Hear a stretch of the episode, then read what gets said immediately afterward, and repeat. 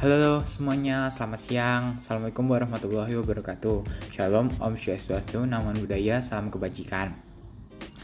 Uh, sini uh, aku Muhammad Farhan Nafis pengen ngobrol-ngobrol santai aja gitu tentang kemarin perintah presiden yang untuk nyelamatin warga negara Indonesia di Wuhan itu itu uh, sebenarnya uh, ada relasi horizontal nggak sih antar lembaga negara buat persetujuan perintah itu nah kita kan udah tahu ya COVID-19 ini udah satu tahun gitu loh di di Indonesia sendiri udah satu tahun gitu.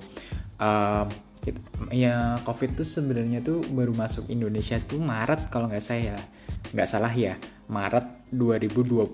Tetapi kalau di macam negara tuh uh, COVID-19 itu tuh udah uh, 2020 awal apa ya? Bahkan itu kayak yang di kota Wuhan China itu yang katanya pusat penyebarannya atau kasus pertamanya di sana itu udah 2019 yang lalu. Nah uh, kemarin kan pas pertama-pertama itu yang di kota Wuhan itu kan uh, apa ya uh, itu kan kasus pertama kan. Terus uh, keluar kasus pertama itu kan kita nggak uh, pemerintah China pasti nggak tahu ya cara menanggulanginya atau gimana sih apa menghadapi virus ini cara terhindarnya gimana pengobatannya gimana kan nggak tahu ya.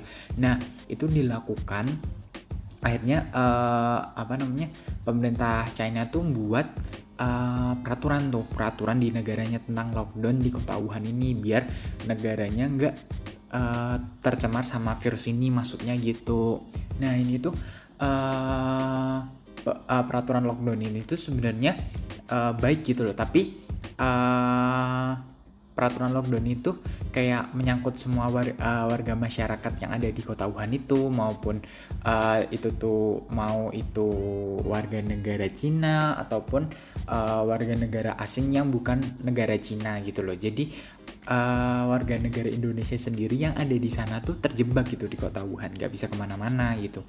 Nah ini uh, kabar ini tuh udah terdengar sama presiden kita presiden Joko Widodo terus akhirnya beliau uh, membuat uh, suatu perintah gitu uh, itu tuh pada tanggal 31 Januari atau 30 Januari 2020 untuk ini untuk membalikan atau mengevakuasi warga negara Indonesia yang ada di Wuhan sana tuh.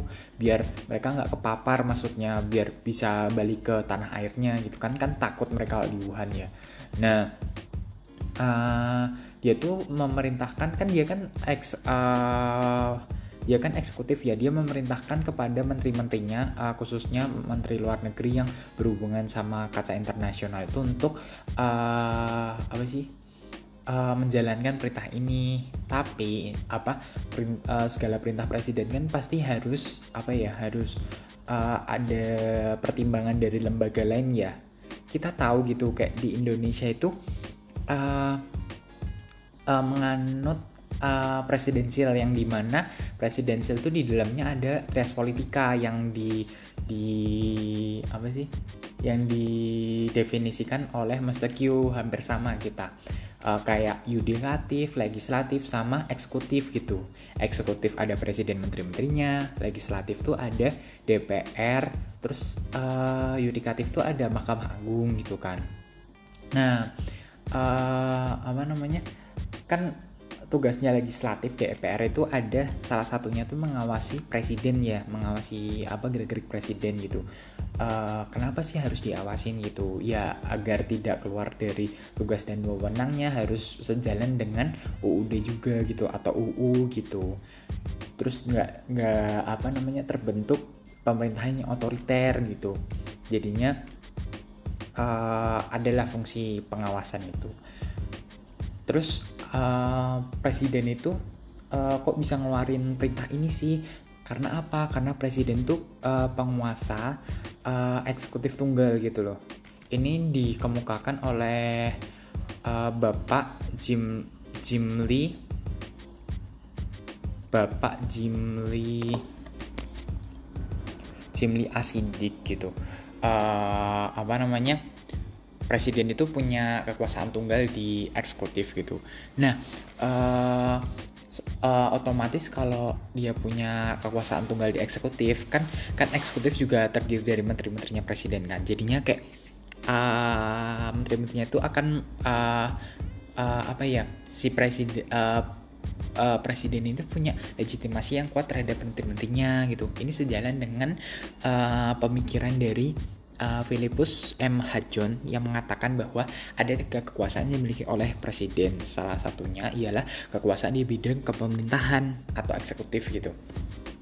Namun perlu kita ketahui ya juga ya uh, pertimbangan uh, uh, perintah ini harus per, atas pertimbangan dari uh, lembaga yang mengawasi yang tadi itu legislatif DPR gitu uh, biar nggak keluar dari UU atau undang-undang yang berlaku atau keluar dari Pancasila atau tujuan-tujuan uh, dan kewenangan dari presiden itu sendiri gitu.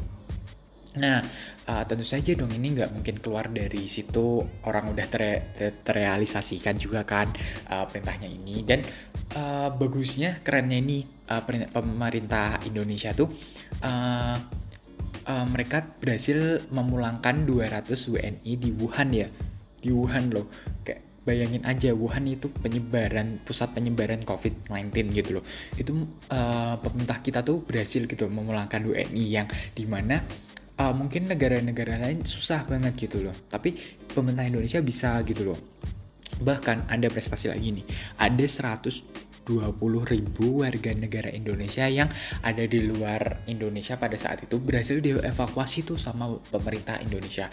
Uh, itu kan keren banget ya uh, kita juga kita juga jangan lupa mengucapkan uh, terima kasih kepada pemerintah Indonesia sendiri karena telah memulangkan saudara-saudara kita yang berada di uh, luar negeri pada saat itu dan menyelamatkan mereka untuk kembali ke Indonesia.